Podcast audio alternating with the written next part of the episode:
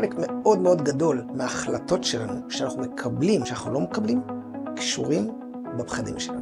פחד הוא פרדוקס. כי כשאנחנו חושבים על משהו שמפחיד אותנו, התת-מודע שלנו שמנהל אותנו, אומר להתרחק. זאת אומרת, לשמור מרחק מהפחד. אז מה הפרדוקס? הפרדוקס הוא שהדרך להשתחרר מפחדים זה לגעת בהם. לגעת בהם במחשבות, לגעת בהם ברגשות, לגעת בהם בגוף. שלום לכולם, שמי עופר רשף, וברוכים הבאים ללהטיס את הפרפרים במבנה, תורת הפרזנטציה האפקטיבית. בפודקאסט הזה, מדי פרק, ניתן לכם כלים אפקטיביים להצליח בפרזנטציות ובהעברת מסרים במגוון תחומי העבודה והחיים. שלום לכם וברוכים לפר... הבאים לפרק נוסף בפודקאסט להטיס את הפרפרים במבנה, תורת הפרזנטציה האפקטיבית. אנחנו היום הולכים לדבר על נושא שהוא כולנו, כולנו סובלים ממנו פחדים, יש לנו פחדים. יש לנו פחדים בחיים, ופחד קהל בפרט. ואנחנו הולכים לנסות לתקוף את הנושא הזה של פחדים ופחד קהל, ובעיקר הדרכים להתמודד איתם. ולטובת העניין הזה הזמנתי את ירון שור. ירון שור הוא מאמן עסקי, בשיטת אה, סאטיה כבר הרבה מאוד שנים. אני מכיר את ירון, הוא מכיר אותך כבר 20 שנה, יותר מ-20 שנה, למה לא 30 שנה? כבר 30 שנה עוד מעט. אה, גם אה, החלפת אותי בתפקיד פעם, וגם אחר כך אתה היית מאמן אישי שלי. מה שהרבה אנשים לא יודעים, שאני עברתי אצלך אימון אישי של שנה וחצי, שנה וחצי, שבוע אחרי שבוע, עברתי אצלך לפני כעשר שנים, אה, ויש לך תואר בפסיכולוגיה וסוציולוגיה, ואתה מנהל, אתה עושה קמפיינים פוליטיים. אה, אתה היית גם מזכ"ל של מפלגה גדולה במשך כמה שנים, ובעיניי אחד האנשים הכי מיוחדים והכי מדהים שהכרתי בחיים שלי.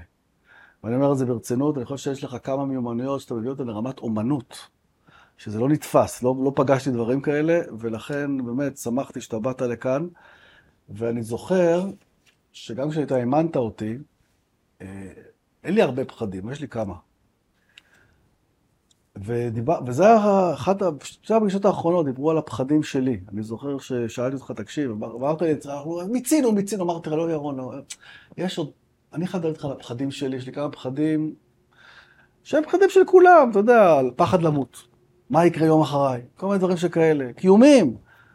ודיברנו על זה, ודיברנו על זה. וגם כאן היום אנחנו הולכים לדבר על הפחדים שאולי לא קיומיים ולא יקרה מה שיקרה שאני אמות, אבל פחדים אה, שיש לנו, אנחנו נתקלים בהם, אבל לפני זה, בוא, אני רוצה רגע להבין, אתה, אתה קורא לעצמך אה, מאמן לפריצת גבולות. רגע, שנייה, ברשותך, לפני, ש, כן. לפני, ש, לפני שניכנס לנושא של הפחדים, אני קודם כל רוצה להגיד לך אה, תודה רבה על כל הקומפלימנטים, אה, ממש מתרגש. אה, אני יודע שככה אתה חושב עליי, אבל זה לא מובן מאליו, ואני חושב שאני לא המראיין פה, ואני לא מכין את הפודקאסט, אבל זו הזדמנות להגיד, אתה איש מאוד מאוד מיוחד, מוכשר, חכם.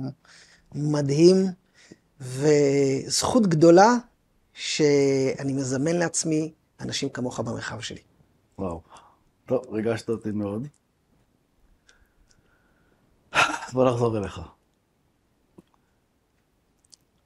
אני זוכר שכשהכרת אותך, אז אמרת, שלא הכרתי אותך, הכרתי אותך מזמן, אבל כשאמרת שאתה מאמן, אה, נפגשנו ככה לשיחת חברים, ואז הצעת לי את העניין הזה, והסכמתי, ושמחתי שהסכמתי, ואמרת שאתה מאמן לפריצת גבולות. קורא לך מבט פנימה, מה, מה זה אומר פריצת גבולות? אגב, אתה לא היחידי שמשתמש במושג הזה, אתה היחידי מתוך אלה שאתה מאמין לו. יש עוד כמה אנשים, לא ניכנס לשמות, שמשתמשים במושג של פריצת גבולות, שאני פחות מתחבר. מה זה אומר? לפני שאנחנו מדברים על הפריצה, בואו. בוא, בוא, בוא נסתכל רגע ביחד על המושג גבול. מה זה גבול? האם במציאות שלנו יש גבולות? מי שם את הגבולות? מי שמגדיר את הגבולות זה בני אדם. אנחנו פה עכשיו יושבים באולפן, בעיר מסוימת. מי מגדיר שהעיר מתחילה ונגמרת ויש גבולות במקום אחד ועוד במקום אחר? אותו דבר על מדינות, אותו דבר בין בני אדם, אותו דבר בתודעה שלנו, אוקיי? בני אדם מגדירים גבולות במציאות מכל מיני סיבות. אותו דבר, אבל להבדיל, יש גבולות בתודעה שלנו שמגבילים אותנו. למה הם מגבילים אותנו? מאיפה הם מגיעים? מהרגע שנולדנו וגדלנו, והיום אנחנו אנשים בוגרים, בני אדם מנסים להגדיר לנו מה נכון לנו, מה לא נכון לנו, מה מתאים לנו, מה לא מתאים לנו. זה מתחיל מההורים, דרך מורים, דרך מחנכים, דרך סוכני חברות שונים, דרך החברה, דרך הפרסומות, דרך הכל. מנסים להגדיר לנו כל הזמן מה נכון לנו, מה לא נכון לנו, זה הכל גבולות. אבל הגבולות האלה לא באמת קיימים. עכשיו, מה האתגר הגדול שלנו? תכף נדבר על הפריצה. האתגר הגדול שלנו, שאנחנו חיים באופן לא מודע, כל הזמן לפי גבולות שאחרים הכתיבו לנו, אוקיי? וזה מתחבר בקשר מאוד מאוד מאוד ישיר. למה טוב לנו? למה לא טוב לנו? מה אנחנו רוצים? עופר, אני עבדתי ועובד עם כל כך הרבה אנשים, שכשאני שואל אותם את השאלה, שלכאורה היא טריוויאלית, מה אתם רוצים?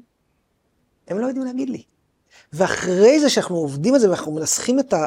מנסים לנסח ולדייק את הרצון שלהם בכל מיני תחומים, אנחנו מבינים ביחד שכדי להגיע לחיים שטובים להם ומתאימים להם, שיחיו על פי הרצונות שלהם, מה שחוסם אותם זה הגבולות שהאחרים הגדירו, והיא קולט להם את התודעה.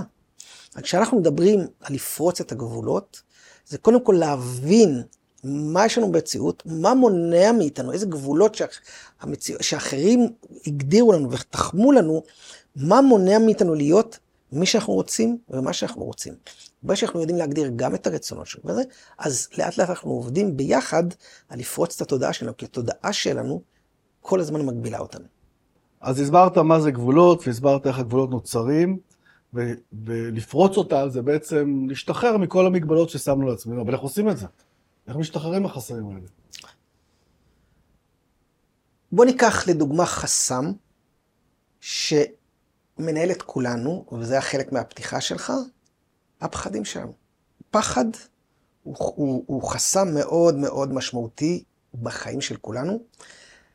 אה, אני לא יודע אם אני מצטט נכון, אבל חלק מאוד מאוד מאוד גדול, לא יודע אם אני מצטט נכון איזה אחד, אחד המחקרים שקראתי, אבל חלק מאוד מאוד גדול מההחלטות שלנו, שאנחנו מקבלים, שאנחנו לא מקבלים, קשורים בפחדים שלנו. עכשיו, הפחד הוא פרדוקס. כי כשאנחנו חושבים על משהו שמפחיד אותנו, התת-מודע שלנו שמנהל אותנו, אומר להתרחק. זאת אומרת, לשמור מרחק מהפחד. אז מה הפרדוקס? הפרדוקס הוא שהדרך להשתחרר מפחדים זה לגעת בהם. לגעת, לגעת בהם במחשבות, לגעת בהם ברגשות, לגעת בהם בגוף. זאת אומרת, ככל שפחד, אנחנו מתחילים קודם כל להיות מודעים אליו, ואז לחקור אותו, לנסות להבין אותו, מה זה הפחד הזה, מה יש בו, איך הוא נראה, איך לתת לו איזה צורה, איזה צבע, איזה משהו מוצק. ככל שאנחנו יותר חוקרים את הפחדים ומבינים אותם, ומתקרבים אליהם ונוגעים בהם, אז ככה אנחנו ממוססים את האחיזה של הפחדים בנו. כי רוב מוחלט של הפחדים שלנו, הם לא מודעים. אתה יודע, אה, רוב מוחלט של הפחדים שלנו, הם נרכשים. יש כמה פחדים, ממש מספר פחדים מאוד מאוד קטן, שהם מולדים, שהמטרה שלהם זה להגן עלינו כשאנחנו תינוקות, ברמה ההישרדותית. למשל, הפחד מליפול ממקומות גבוהים הוא פחד מולד. אומרת, פחד... זה שאני מפחד מבנג'י זה הגיוני. לגמרי. ולא בהכרח הפתרון אה, הוא לקפוץ לבנג'י. לא בהכרח הפתרון, לא, לא, לא, לא, לא בהכרח הפתרון, אבל הפחדים המולדים הם מאוד מאוד מאוד מצומצמים.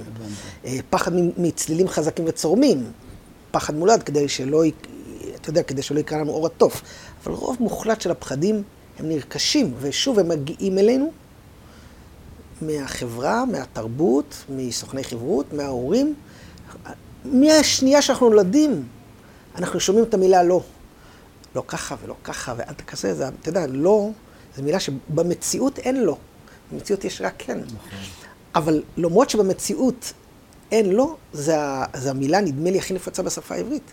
כי כל הזמן אומרים לנו לא. שפה בכלל, אני חושב. שפה בכלל. כל הזמן אומרים לנו לא. אז, אז הדרך להשתחרר מהפחדים זה לגעת בהם. לגעת בהם ולמוסס את האחיזה של הפחדים בנו. איך עושים את זה? איך עושים את זה? אני עכשיו, נגיד, אה, מי ששומע אותנו ואומר, אני מפחד מ... לגשת לבחורה, להתחיל איתה. בסדר? אז איך מתמודדים עם זה? איך, איך, איך, איך, נוגעים, מה זה לגעת בזה? מה, מה, מה, מה, מה, מה, מה היית, נגיד שהייתי בא אליך, תראה, אני, כמו שסיפרתי לך פעם, היה לי חרדת נשים מטורפת. השתחררתי מזה, אבל היה לי. אני כל התיכון לא ידעתי, מה זה הייתי, הייתי מתאהב סדרתי. אבל לא עשיתי עם זה כלום. וגם באוניברסיטה, כשהייתי כבר בין 24 עד 27, תואר ראשון מדבר, גם כשכבר, אה, אתה יודע, היה לי יותר ביטחון עם נשים, שקיבלתי בזכות החברה הראשונה שלי שהתחילה איתי, תכלס, אז עם, עם נשים שבאמת רציתי, הייתי מתנהג מועד בכיתה ג', עם פחדים מטורפים. השתחררתי מזה. בסדר, אבל אני רוצה לשאול, נגיד שאני אני, אני בא אליך עם פחדים כאלה, איך אתה מלמד אותי להתגבר עליהם? בוא, בוא, ניקח, בוא ניקח את הדוגמה המצוינת שאמרת, פחד, חרדה, נשים, מ, מ, אפשר להגיד את זה על, כמעט על כל תחום. כן. מה הרבה פעמים יושב שם? הפחד מדחייה, שידחו אותנו, שלא ירצו אותנו, שלא יאהבו אותנו, ואז מה המוח שלנו אומר לנו? אנחנו לא מספיק טובים, אנחנו לא מספיק יפים, אנחנו לא מספיק מוכשרים, אנחנו לא מספיק מוצלחים, אוקיי? אתה יודע, יש איזה ציטוט של מייקל ג'ורדן, מאוד מאוד מפורסם, שאומר, אני נכשלתי כל כך הרבה בחיים, ובגלל זה הצלחתי. כי ההסכמה שלנו ללכת למקומות שאולי מוגדרים, שזה שאלה של איך מגדירים כישלון והצלחה, של דחייה, של אי הסכמה, של חוסר הצלחה, אוקיי?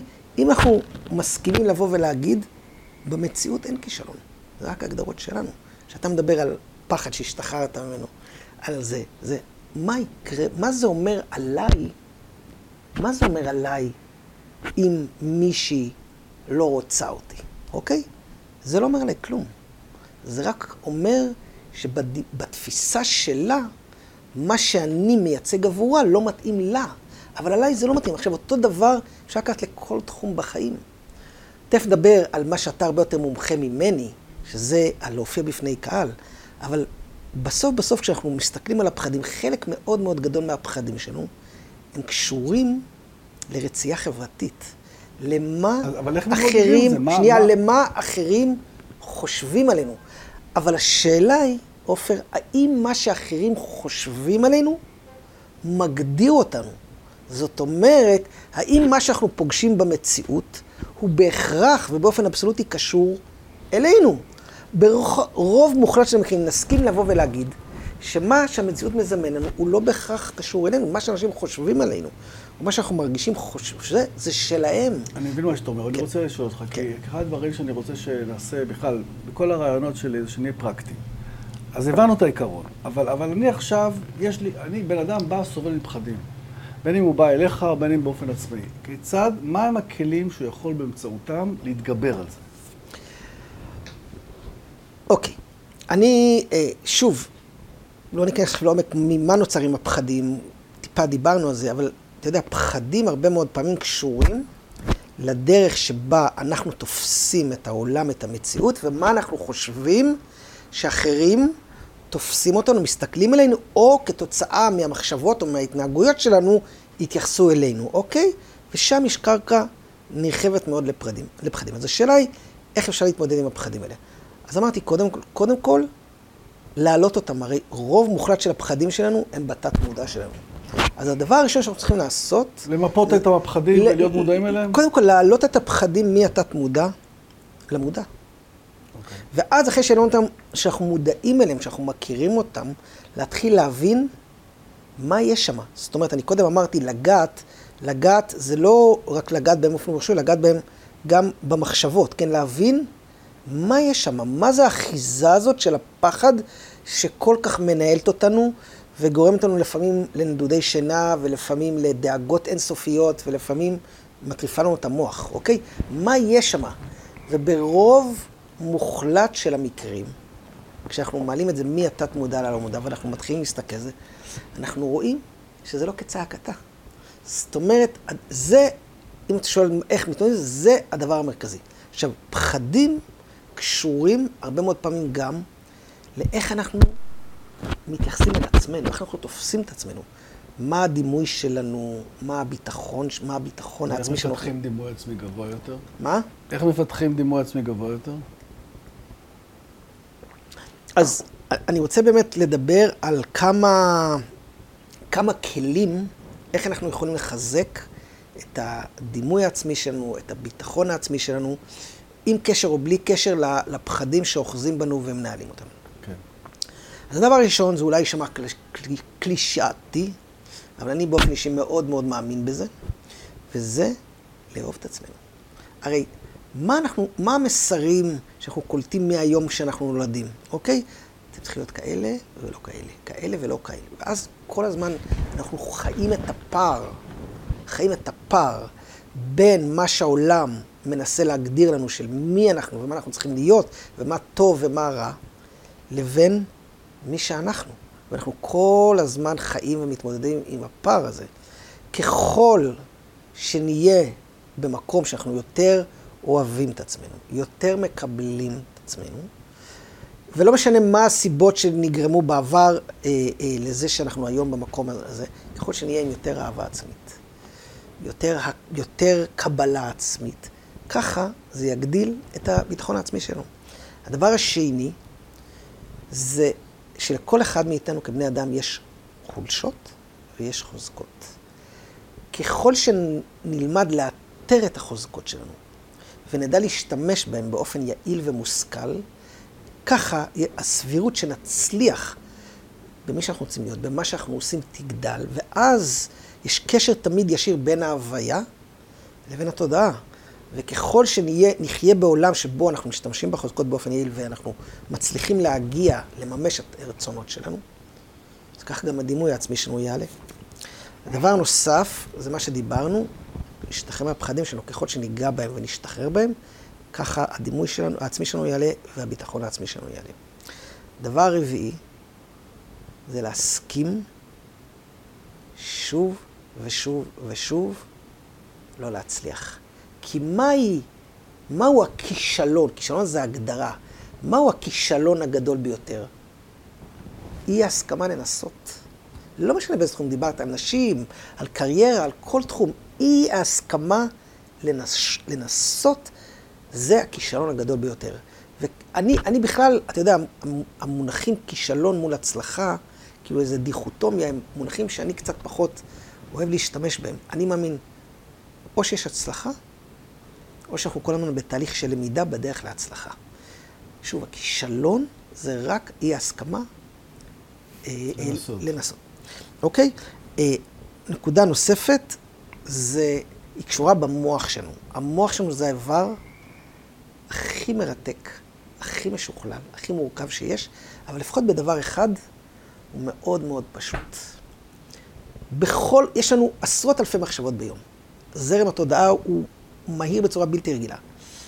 אבל תנסה פעם לעשות תרגיל ולחשוב שתי מחשבות באותו זמן. ואתה תראה שהמוח לא מאפשר לנו. יכול להיות תוך עשירית שנייה להתחלף מחשבה, אבל באותו זמן בדיוק אין דבר כזה שיש יותר ממחשבה אחת. עכשיו, מחקרים מראים שיש לנו ביום, לבני אדם, מתוך עשרות אלפי מחשבות, 80 אחוז מהמחשבות שלנו הן שליליות. שזה נתון מדהים. אם אנחנו מסוגלים לייצר כלי שאומר, בכל רגע נתון שאנחנו מודעים למחשבה שלילית, אנחנו ממירים מחשבה שלילית למחשבה חיובית. ממירים מחשבה שלילית למחשבה חיובית.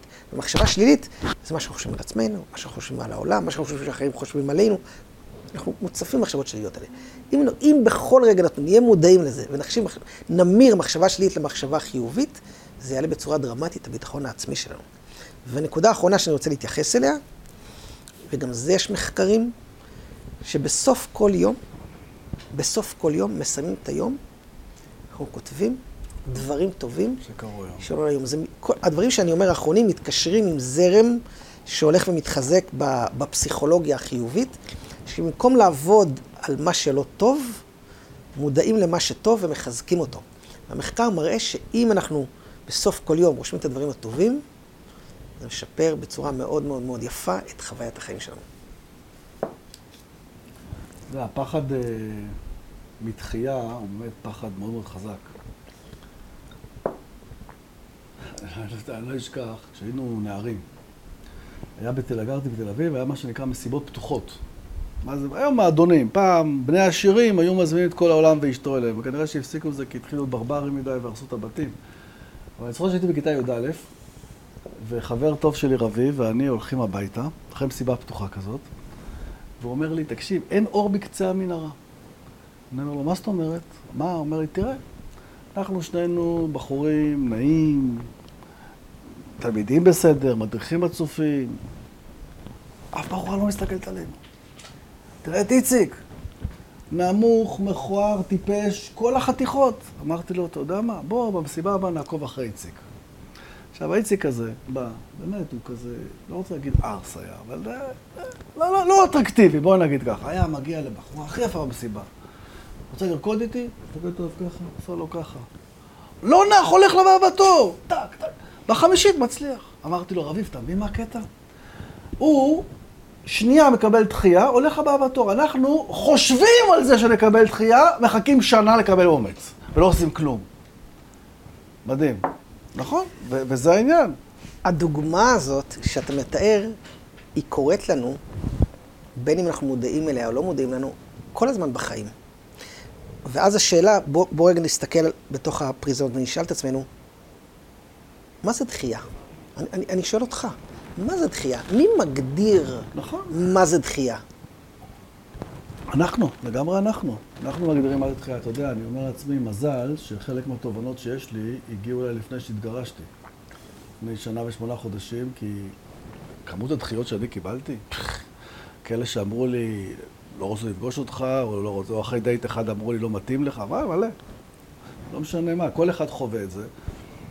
ואם אני הייתי לוקח את זה ברמה האישית, והייתי אומר, אני, משהו לא בסדר אצלי, הייתי כבר, אתה יודע, לא יוצא מהבית. אז, אז, אז, אז מזל, מזל באמת שאתה מבין ש, שזה... פגשת במקרה מישהו במקום מסוים, והוא שמה, וזה לא קשור אליך בכלל. מצוין. זאת אומרת, מה אתה בעצם אומר? שאתה לא נותן ללא שאתה מקבל, או בתחום הדייטינג, או בתחום החברות שאתה עובד איתן, או בכל תחום אחר בחיים שלך, שאתה לא נותן לזה, לתשובה השלילית שאתה מקבל, להגדיר אותך, להגדיר מי אתה ומה אתה. אתה אה, אה, אה, יועץ ארגוני, עובד עם, עם החברות, תכף נעבור אליך, יועץ ארגוני עם החברות הכי מצליחות, הכי עברנו טובות. אליי. זה, זה, זה, זה, שה, זה שחברה מסוימת אומרת לך שהיא היא לא רוצה אותך, זה לא, זה, זה לא מגדיר אותך. לא. זה, ואם אם נסכים בכל תחומי החיים, שהלא שאנחנו מקבלים לא מגדיר אותנו, וברוב המקרים הוא לא קשור אלינו, אז במידה רבה מאוד זה הפחדים האלה של תמיד לקבל את הכן, לא ישתקו אותנו, ונסכים, כמו הדוגמה שנתת לבחור הזה, נסכים לקבל עוד ועוד ועוד ועוד לא, כי רק עוד ועוד לא יביאו לנו את הכן. אז, אז, אז אם כבר התחלנו באמת לעבור אליך, אז, אז אני רוצה שנחבר את הפחדים האלה לתחום מומחיות שלך, לאחד מתחומי המומחיות שלך, זה אה, להופיע בפני קהל. ואני רוצה ש, שתיתן לנו טיפה כלים, אה, כשאתה מלמד את תורת הפרזנטציה, ממה לדעתך נובע הפחד של האנשים מקהל? ממה הוא נובע? הוא נובע מהלא נעים. איך לצאת, הפחד להיות הכי גדול שיש לבני אדם זה לראות מגוחך בפני אחרים. שיצחקו עליי, ילעגו לי, לראות מגוחך. זה הפחד הכי גדול. אגב, ו- ואני חושב שזה מתקשר לכל דבר של להביא את עצמך לידי ביטוי. זה יכול להיות גם, גם לראות מגוחך בפני מישהי שתגיד לי לא בדייט, או לא שהצעתי לה לפגש איתי, אבל גם, גם במיוחד מול קהל, מול אנשים. מה אומרים לעצמם? הרי משהו השתבש, ואז זה נראה מגוחך. אני לא יודע על מה אני מדבר, אני פתאום מתקע פה, פתאום אני גמגם שם, אני לא יודע מה לעשות עם זה וזה, ואז זה נראה מגוחך. ואז אומרים, עדיף לי לא להיראות מגוחך ולא לעשות כלום. וזה זה, זה הפחד שמשתק את האנשים. עכשיו, אני, אתה יודע, זה לא רק בפער בלהופיע מול קהל פרזנטציה, זה גם, אתה יודע, הרבה פעמים שאני, יש לי הרבה סדנאות שאני צריך סימולציות. משחקי תפקידים. ואתה שואל מי מתנדב, והרבה פעמים אנשים מתים להתנדב. למה מתים? כי הם מבינים שהשתתפות בסימולציה תעזור להם לשפר את המיומנות ולהצליח. ועדיין הם מפחדים, כי מה, אם אני אעשה את זה, לא זה, ויצחקו עליי. אגב, יש הרבה אנשים במקצועות שלנו, שהשיטה שלהם, אפרופו מה שדיברנו יותר קודם, שבאים אליי, בא אליי מנהל, אומר, תקשיב, קודם כל, תעשה להם סימולציה, שיראו כמה הם גרועים. אחר כך תתחיל ללמד. אמרתי, מה פתאום? קודם תלמד אותם, אחר כך נתרגל מה שהם למדו. ואנחנו רוצים שיהיו טובים, אני לא רוצה לצחוק עליהם. מה, מה, מה הקטע? למה אתה לא מראה את הסימולציה מול כולם? אמרתי, למה? זה מביך אותו. מה, לא ראינו את הסימולציה? ראינו. אני צריך עכשיו שזה יישאר אצלו, אני מוכן לצלם, אבל בשבילו. שהוא יסתכל בבית ויראה את הדברים ויסתכל, למה צריך להראות לכל זה? זה מביך. ולכן, אני אומר, אם הפחד קהל נובע מזה שאני מפחד לרוב מגוחך, יש שני אספקטים.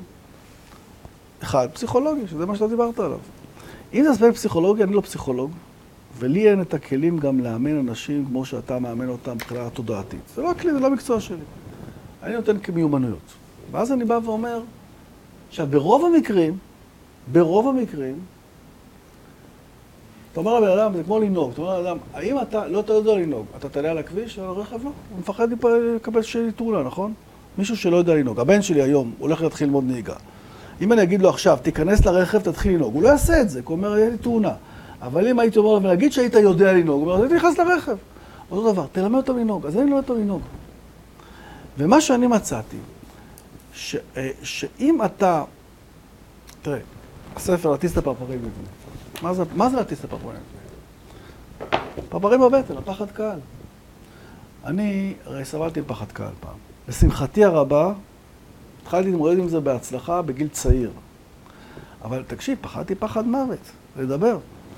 היה לי פרפרים בבטן שהשתוללו, ורציתי להרוג אותם. אמרתי, בוא נהרוג את הפרפרים, אי אפשר ככה לחיות, אי אפשר ככה זה. אבל אז הבנתי שאסור לי להרוג את הפרפרים. למה? למי אין פרפרים? למי שכבר לא איתנו. לפסיכופטים. ולמי שלא אכפת לו. כי אם אכפת לך להצליח, אז אכפת לך מה יגידו עליך, ואת זה, ואז אתה רוצה להצליח, ואז יש לך פרפרים. אז מה החוכמה? להטיס אותו במבנה. יש פרפרים? הם יישארו שם. תטיס אותו במבנה, אתה תהיה ממוקד, אתה תהיה מלא תשוקה, אתה תשיג את המטרות שלך. ובעצם המיומנויות שאני מלמד עוזרות להדפיס את הדבר במבנה. כי הרי מה פחד קהל נובר? למשל, אתה אומר, משהו טכני השתבש לי, ואז יהיה בלאגן. תתכונן, יש מקרים ותגובות, תתכונן, תארך, תלמד איך מתכוננים. לא אומר לא יקרה 100%, אבל הסיכוי ישרב לאפס. מה אנשים מפחדים? אנשים אה, אה, השתעממו. תלמד איך בונים את הפרזנטציה, איך בונים את המסרים, שיהיה מעניין, איך עושים, איך מספרים סיפור, זה הכל טכניקות. איך מספרים סיפור, איך משלבים ציטוט, איך משלבים זה, שיהיה מעניין. אנשים אומרים, אני לא יודע מה לעשות עם עצמי מול האנשים, מה לעשות עם הידיים, נראה מגוחך. תלמד, תלמד. ברגע שאתה שואל בשפת הגוף שלך, זה, זה, זה לא רק משדר ביטחון, זה גם יוצר ביטחון. אתה פתאום מרגיש בטוח בתנועות שלך. המצגת שלי לא תעבוד, תלמד. אה, יפריעו לי. זה בכלל, יפריעו לי, ירדמו לי. שזה סוג כל מיני הפרעות, הפרעות פסיביות, הפרעות אקטיביות. הפרעה פסיבית שמישהו נרדם, או מישהו שולח אס.אם.אס, כי הוא משעמם. למה זה הפרעה? כי קודם כל הוא מקשיב, שתיים זה יכול לגרור את האחרים. או התנגדו לי בפרזנטציה, הפריעו לי, דברו, זה, מה יקרה? אני אראה מגוחך, לא יודע מה לעשות. מלחיץ, תלמד. מה לעשות? יש מתודולוגיה של עובד, איך מטפלים בהפרעות, ואיך הם מנהלים, מנהיגים את כל הסיטואציה באופן כזה, ש, שאם זה קורה, אתה מתמודד עם זה. ולכן, ולכן אני אומר, ולכן אני אומר, לכן קראתי גם לספר על אוטיסט הפרפרי מבנה, לכן קוראים לפודקאסט הזה, אוטיסט הפרפרי מבנה, תורת הפרזנטציה האפקטיבית, כי זה פוגש אותנו בכל דבר. ובכל נושא שאנחנו מדברים עליו פה בפודקאסט, אנחנו אומרים, תתאמן, תלמד ותתאמן. תתאמן להתראיין, תתאמן לעשות נטוורקינג, תתאמן להעביר פרזנטציה, תתאמן, תתאמן אה, אה, אה, בכל דבר, בכל דבר צריך להתאמן. להכיר את התורה ולהתאמן עליה. ברגע שאתה מתאמן עליה, תקשיב, גם כשאתה נכנס לשחות בבריכה, בהתחלה הוא בפאניקה. אתה לומד לשחות, אתה בפאניקה, אתה מפחד לטבוע. אבל ברגע שאתה יודע איך לשחות, למדת איך לשחות, ואתה מתאמן בשחייה, אז אתה גם תיכנס לים, הסוער, נכון? אותו דבר, אותו דבר, אותו דבר בדברים האלה, ולכן אני אומר, צריך, צריך ללמוד את הכלים, צריך ללמוד את הכלים. אז, אז רגע, אז אתה אומר, צריך ללמוד את הכלים, ודיברת קודם גם על כלים וגם על מיומנויות. ובוא בוא, בוא תעשה לי, בוא, בוא תנסה אה, בשיחה הזאת להראות לי איזה סט של כלים או איזה סט של מיומנויות שאתה אומר, אם תלמדו אותם, תתאמנו אותם, אז זה יעזור לכם להתמודד עם פחד קל. אז שוב, אני חושב שזה, שזה הזכרתי את זה בצורה מסוימת. תראה, אחד, תדע על מה אתה מדבר. תלמד לנסח את המסרים שלך ותתרגל אותם בקול רם, רק שלא תגמגם אותם. אוקיי? רוב האנשים, אתה שואל אותם, אתה מתרגל רם את הפרזנטציה? אגב, פרזנטציה לא רק מול קהל, גם אני הולך לפגש ברעיון עבודה, הולך לפגש לפגישת עבודה, או לפגישת מכירה. ואני צריך להציג את המוצר שלי, תתאמן בקול רם. אז אחד, תכיר את זה. שתיים, תדע איך לבנות את המסרים בצורה שהמתודולוגיה עצמה יוצרת עניין, איך לפתוח, איך לסיים, איך לשתול את הסיפור, את ההוכחה שלך. תלמד את זה, תתרגל את זה. שורת הכלים הבאה זה שפת הגוף שלך. ברגע שאתה יודע לעבוד עם הידיים, לעמוד נכון, להסתכל בעיניים, כל האלמנטים האלה, אתה, שוב, אתה, זה יוצר ביטחון, צריך ללמוד שפת הגוף, זה תרגל שפת הגוף. כל הנושא של, של, של הזרים, של, של מקרים, משהו השתבש טכנית. עכשיו תקשיב, מה זה משהו השתבש? לא יעבוד לי המחשב, לא יעבוד לי הזה, אני אגיע למקום, פתאום כולם חיים בהפתעה. מה הפתעה? שום דבר לא, אין משהו שלא קרה כבר למישהו. יש מקרים ותגובות, תתכונן לזה, תלמד לעשות את זה. וכך בכל תחום, בעצם תלמד, תתרגל בנושא של המסרים שלך, שפת הגוף שלך, הזרים שאתה משתמש, הציוד שאתה משתמש, האינטראקציה עם הקהל. תלמד לעשות את זה, תתרגל את זה, ואז הביטחון עולה בצורה דרמטית. הביטחון עולה בצורה דרמטית. וככל, ואז אתה חווה יותר ויותר הצלחות. ואז פתאום אתה חווה הצלחות, ואנשים מוכרים לך כפיים, אנשים לוחצים לך ידיים, ואתה מצליח להשיג את המטרות שלך, והביטחון עולה מפעם לפעם. ביטחון עולה. אז שאלתי אותך, עופר, מה, מה המיומנויות, מה הכלים להתמודד עם פחד קהל, ואתה יודע, כי עבדנו ביחד באימון, באימון יש דבר שנקרא ש, ש, שמשקפים, זאת אומרת, אני חוזר על מה שאתה אומר, כדי לראות ש, ש, שאתה הבנת ואני הבנתי. אז בעצם, אם הבנתי נכון מה שאתה אומר, אתה נותן אה, אה, מיומנויות, מלמד אותם, שלדע, לדעת על מה אדם מדבר, אה, איך לבנות את המסרים ואיך לתרגל אותם, שפת הגוף שלך, לדעת מבחינת אביזרים מה עלול להשתבש. זאת אומרת, בעצם כשאתה עושה את כל הדברים האלה, אתה לומד אתה מתרגל, ואז, אם הבנתי אותך נכון, הביטחון שלך עולה בצורה דרמטית, ואתה גם מייצר הצלחות, וזה כאילו גלגל שמזין את עצמו. לגמרי, אוקיי. לגמרי. ואני רוצה להגיד לך, תראה, אתה יודע, היה לי אירוע מכונן לפני הרבה שנים, לפני כמעט עשרים שנה. אני הייתי, אמ, אני עמדתי לנהל מרכז הדרכה של מכון התקנים, שזו יחידה שנותנת אמ, שירותי הדרכה לתעשייה. ואני זוכר, זה היה ביום החמישי בחפיפה. אני יושב עם, עם שרית, הבחורה שהייתי אמור להחליף אותה, ופתאום היא אומרת לי, יואו, איך לא נעים לי ממך? אני אומר לה, מה קרה? היא אומרת לי, מחר יש אה, אה, ישיבה של חבר הנאמנים שלה, זה חייבתי שיש דבר כזה. ואני צריכה להציג 20 דקות על מרכז ההדרכה, הפעילות שלנו, ואני לא יכולה להיות. אמרתי, לא ידעתי בכלל שיש דבר כזה, חשוב זה, זה משמעות. הוא אומר לי, כן, תקציבים, זה לכן לא נעים לי ממך. אמרתי לה, תגידי לי, יש לך אה, איזה קובץ PowerPoint שמסכם את הפעילות? אומרת לי, כן, זה 20 דקות וזה. אומרת, למה, מה עובר לך בראש? אמרתי, תן לי לראות. אני לוקח את זה, חושב, חושב, חושב, אחרי 10 דקות מתקשר לאהוד הבוס שלי. אומר לי, אהוד, אהוד, תקשיב, מחר יש את האירוע הזה וזה. שרית אמרה לי שלא תוכל אה, להציג. הוא מתחיל, מה, ונמאס לי ממנה, אמרתי לו, אהוד, עזוב אותי עם הריבים ביניכם, עזוב. לגבי מחר אני אציג. אומר לי, מה אתה תציג? איך תציג? מה תציג? אתה שלוש שבוע בחפיפה. אמרתי לו, אהוד, יש לי עשרים דקות, יש לי עשרים וארבע שעות להתכונן. אני כבר מבין את הדברים, ומה הכי גרוע יקרה? מה, ישאלו אותי שאלה שאתה מה התשובה? הרי אתה איתי שם, נכון? אתה תענה, מה קרה? הם יבינו את זה, יקבלו את זה, אני יודע בחיפה. הוא אמר, אתה יודע מה? שכנעתי אותו. קיצור, אני מתכונן, מתכונן, מגיע למחרת, נכנסים לך כל ראשי התעשייה במשק, אתה יודע, כל אחד חושב שאלוהים עובד אצלו. יושבים לך בזה, ואז אהוד מציג את הסדר יום, אומר, תכירו, עופר רשף, הוא הולך להציג את הזה, הוא בחפיפה, כולם עושים פרצופים, כאילו, מה הקטע? ואז אני פותח, ואני מציג את הדברים. הסיפור המלא בספר, כי יש שם עוד כמה אירועים באירוע הזה, אבל מה שקרה הוא... זה שאחרי עשר דקות, פתאום אני רואה מלא אנשים זורמים פנימה.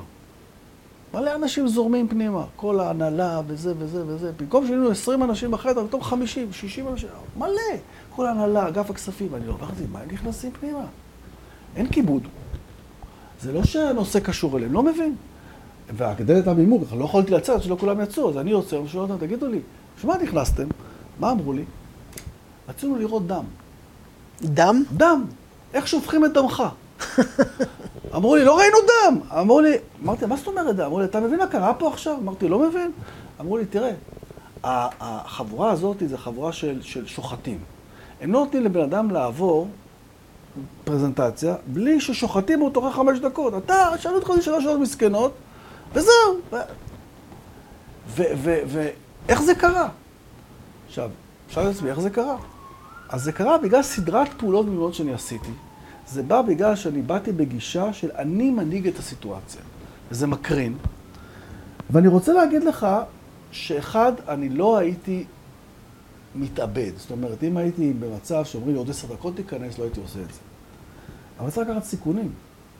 ואחד הדברים ש... אה, אה, איך אמרת? צריך להעיז. אחד הדברים שאני אמרתי, לא צריך להתאבד. אני לא אומר תתאבדו על הזדמנויות. ההזדמנויות, יש לנו אותן כל הזמן.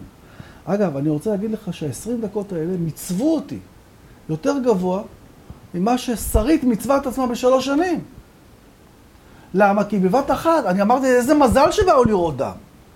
אבל גם איזה מזל שלקחתי את ההזדמנות, ואיזה מזל שהיה לי את הכלים. אגב, אני לא אגיד לך את האמת, אני עבדתי קשה ב-24 שעות, להתכונן, תרגלתי והכנתי וזה וזה וזה. ו- ו- ואני אומר, אם, אם אתה לא מנסה, איך אמרת, אם אתה לא מנסה, הלא כבר יש לך אותו. הכישלון כבר קיים. לא יקרה כבר קרה.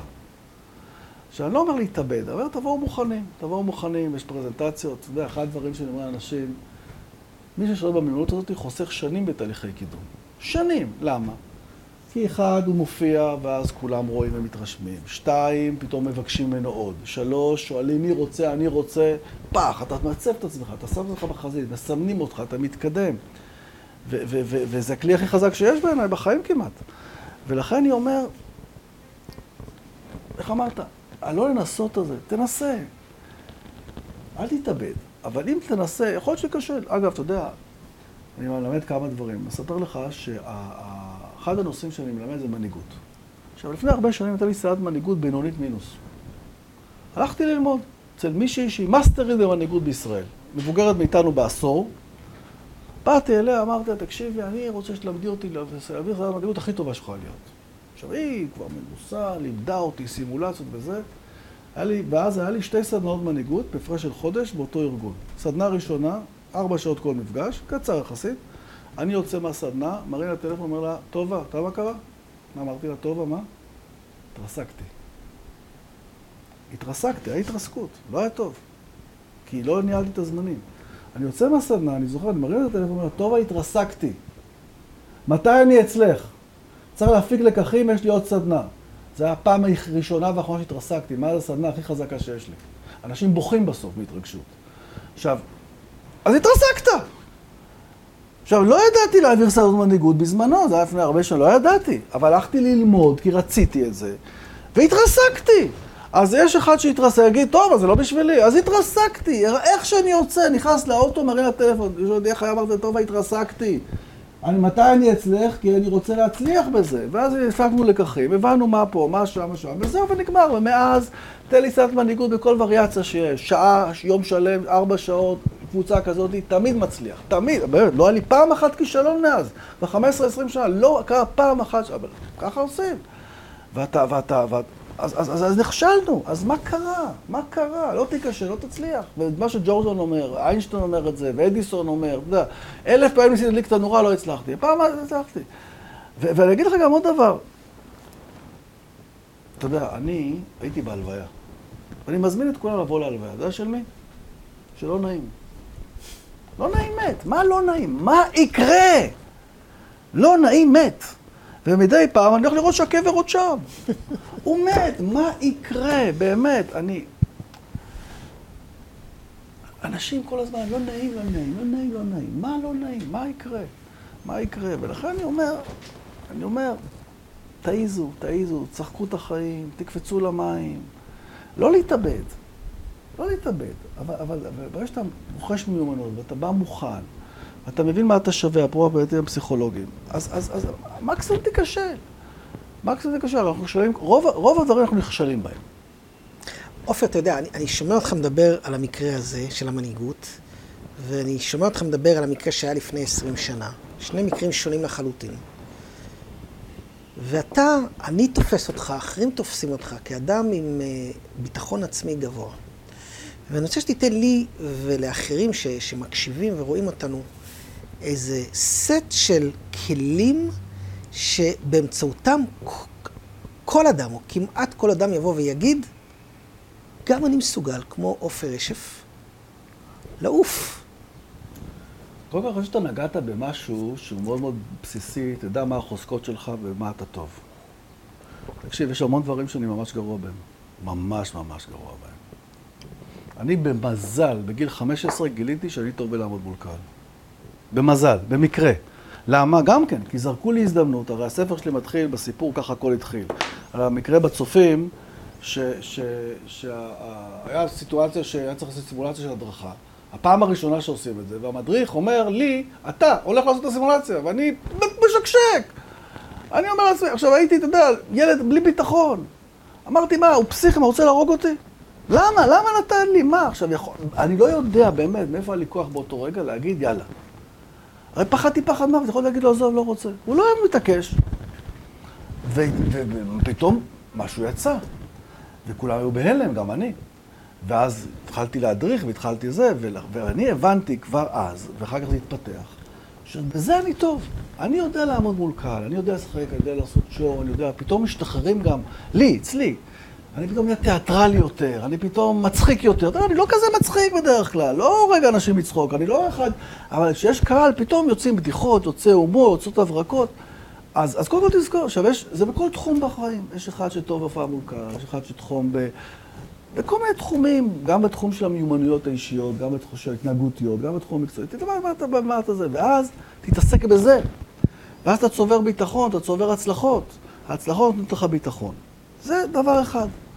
ו- ולכן אני מתעסק בזה כל החיים שלי, כי בזה אני טוב. תקשיב, יש דברים שאני רע מאוד בהם, לא טוב בהם, לא יודע לעשות אותם. בזה אני טוב, זה מה שאני עושה. ואז אתה גם פורס ענפים, אתה יודע, אני לא, אני, אני לא מאמן אישי כמוך, כי אתה מאשר יותר הווייתי. אני יותר מאמן מיומנויות. אז יש פה אלמנטים קצת, אבל זה... אז, אז אתה טוב בזה, אז יש, נוצרים כל מיני ענפים פתאום לחוזקות שלך, כל אחד מה שהוא. זה, זה, זה פעם אחת, למשל, אני, אני לא טוב בהתעמלות, תן לי לעשות התעמלות קרקע, לא טוב בזה. גם יותר מזה, יש דברים שאתה תבוא להגיד, אתה יודע, אני מטפס קירות. התחלתי לטפס בעקבות הבן שלי. עכשיו, הבן שלי נבחרת ישראל. אני, כולה רמה שלוש, הוא רמה תשע, עשר. אבל, אבל טוב לי. אני אומר, כל עוד שאני מצליח לטפס רמה שלוש, כשתבין, אני בן 58, הבא בתור אחראי בקירות טיפוס, זה בדרך כלל 40 אחד, 30 עוד שניים, השאר 20 ומטה. ואני אומר לעצמי, בואנה, אני כוכב על. זה מה שאני אומר לעצמי. כל פעם שאני בא לקיר טיפוס, הרי מפה אני הולך לשם, אני הולך לפגוש את הבן שלי, בקיר טיפוס. כל פעם שאני בקיר טיפוס, אני אומר לך, בגישה, אני אומר, בואנה, אני כוכב על. אני יכול לטפס רמה שלוש, הרוב מטפסים, לא הרוב, תלוי מי. יש הרבה שמטפסים, אבל אני, אני בן 58. רוב האנשים בני 58 לא מטפסים מדרגה אחת. אני, אני מטפס על קירות, זה כוח פיזי מטורף, זה קשה, זה, זה צריך להפעיל שכל, ואני גם לא מתבייש לבקש מילד בן 10, תראה לי איך עושים את המסלול. והוא מבסוט, שהוא מראה לי, אבל, אבל ככה זה עובד. כי, כי בסדר, ואני אומר לעצמי, אני לא מתכוון להיות באולימפיאדה. אני, אם אני מצליח לשאול ברמה שלוש, כל שהם מתבגרים ואני יותר קשה, תענוג. אז זה אחד, תזכור מה החוזקות שלך, מה אתה אוהב לעשות גם. אני מאוד אוהב את העבודה שלי, אני גם לא, אתה יודע שאני כבר שנים לא עובד כבר. לא יודע, אולי אתה, אתה גם אני חושב לא עובד. אני, אני משלמים בשביל ליהנות. אני לא עובד, אז זה אחד. הדבר שני, זה באמת לצאת מהמקום הזה שלא נעים לי. לא נעים לי, לא נעים לי, אתה יודע. עד היום, אתה מכיר אבא עושה בושות? בטח. גם אני היום אבא עושה בושות. הילדים שלי לפעמים, אבא אתה עושה בושות, אבא. אז אתה לומד אה, איך להתנהג, לפעמים יש אנשים מסוימים שמתנהגים, אז, אבל אני, אני יודע, אחד הדברים שאני אוהב בבת שלי, יש לי בת, עדי, איזה כיף. היא עובדת, יכולה פתאום להתחיל לרקוד לך out of nowhere. לא ברחוב, אבל אצלי בדירה, פתאום. שהיא, כי חיה את מי שהיא, את הרצון שלה, היא לא דופקת חשבון. לא דופקת, היא מתחילה לרקוד, ותמיד אני רוקד איתה. גדול. תמיד, רוקדים, טח, טח, אני זוכר, בבת שלי, עמית, היינו ביום שישי, לפני שהולכים לארוחה אצל ההורים, שהיינו רוקדים בסלון. רוקדים, יאללה, רוקדים, מה אכפת לי? אתה יודע, פעם פחדתי לרקוד, פעם פחדתי, אם אני לא... או, או שהייתי ממש ממש צעיר, אם לא הייתי שותה כמה כוסות וודקה, לא הייתי מעז לך לרקוד. היום, מה? יש מסיבה, אני ראשון רוקד, לא מפסיד, למה אני נהנה מזה? מה יגידו? אז יגידו, מה יגידו? שאני לא רקדן מקצועי? יגידו. מה יגידו? עזבו אתכם, באמת. זה, זה, זה דבר שני. והדבר השלישי, זה, זה ש, ש, במקומות ש... תראה, אני עכשיו, אני חזרתי לאחרונה ללמוד פסנתר. אושר אמיתי. אגב, הרבה יותר קשה ממה שחשבתי. באמת? אני כל פעם אומר לאנשים, להופיע מול קהל, זה פי מאה יותר קל מאשר אה, פסנתר. כי כל- למה? כי זה הרבה יותר מורכב, כי זה הרבה יותר מורכב. תקשיב, אני למדתי פסנתר בתור ילד, אה, קלאסי. שנים לא נגעתי בפסנתר, מגיל, מגיל כיתה ט'. והחלטתי ללמוד פסנתר, ואני הולך למורה שמלמד אותי, והשאיפה שלי זה, אני כל מה שאני רוצה, שיש שיר שאני אוהב אותו, לדעת לנגן אותו יפה. לעצמי, לא בא לקונצרטים, לא זה... ו... ו אמ, וזה מורכב. ואני אני אומר לעצמי, אחד הדברים שהוא אומר כל הזמן, אתה צריך לך כמה שירים שמישהו בא אליך, ואתה אומר, תנגן לי משהו, תנגן יפה. ואם אני לא אנגן יפה, מה יקרה? אני נהנה מזה, אגב, אני נהנה מזה בטירוף, ולהגיד לך שקל לי, אני... זה לא קל השיעורים האלה, זה, זה לא קל, אתה לומד, זה לא קל, צריך לתרגל. אבל אני אומר, אתה רוצה, אני אמרתי לו, אני רוצה להיות מאושר. להיות מאושר זה לנגן שירים בפסנתר. זה אחד הדברים שנותנים לי אושר. אתה רוצה, תלמד! תלמד! ואני אמרתי לו, והוא היה בהתחלה בלחץ, שאני הולך לעזוב אותו מתישהו, כשיגיע, אמרתי לו, משה, אנחנו פה לטווח ארוך. אני, עד שאני לא, וגם אחרי שאני, עכשיו, יותר מזה, אני כל הזמן מגלה שיש עוד רף של אושר, ועוד רף של אושר, כי יש עוד דברים שאתה יכול ללמוד.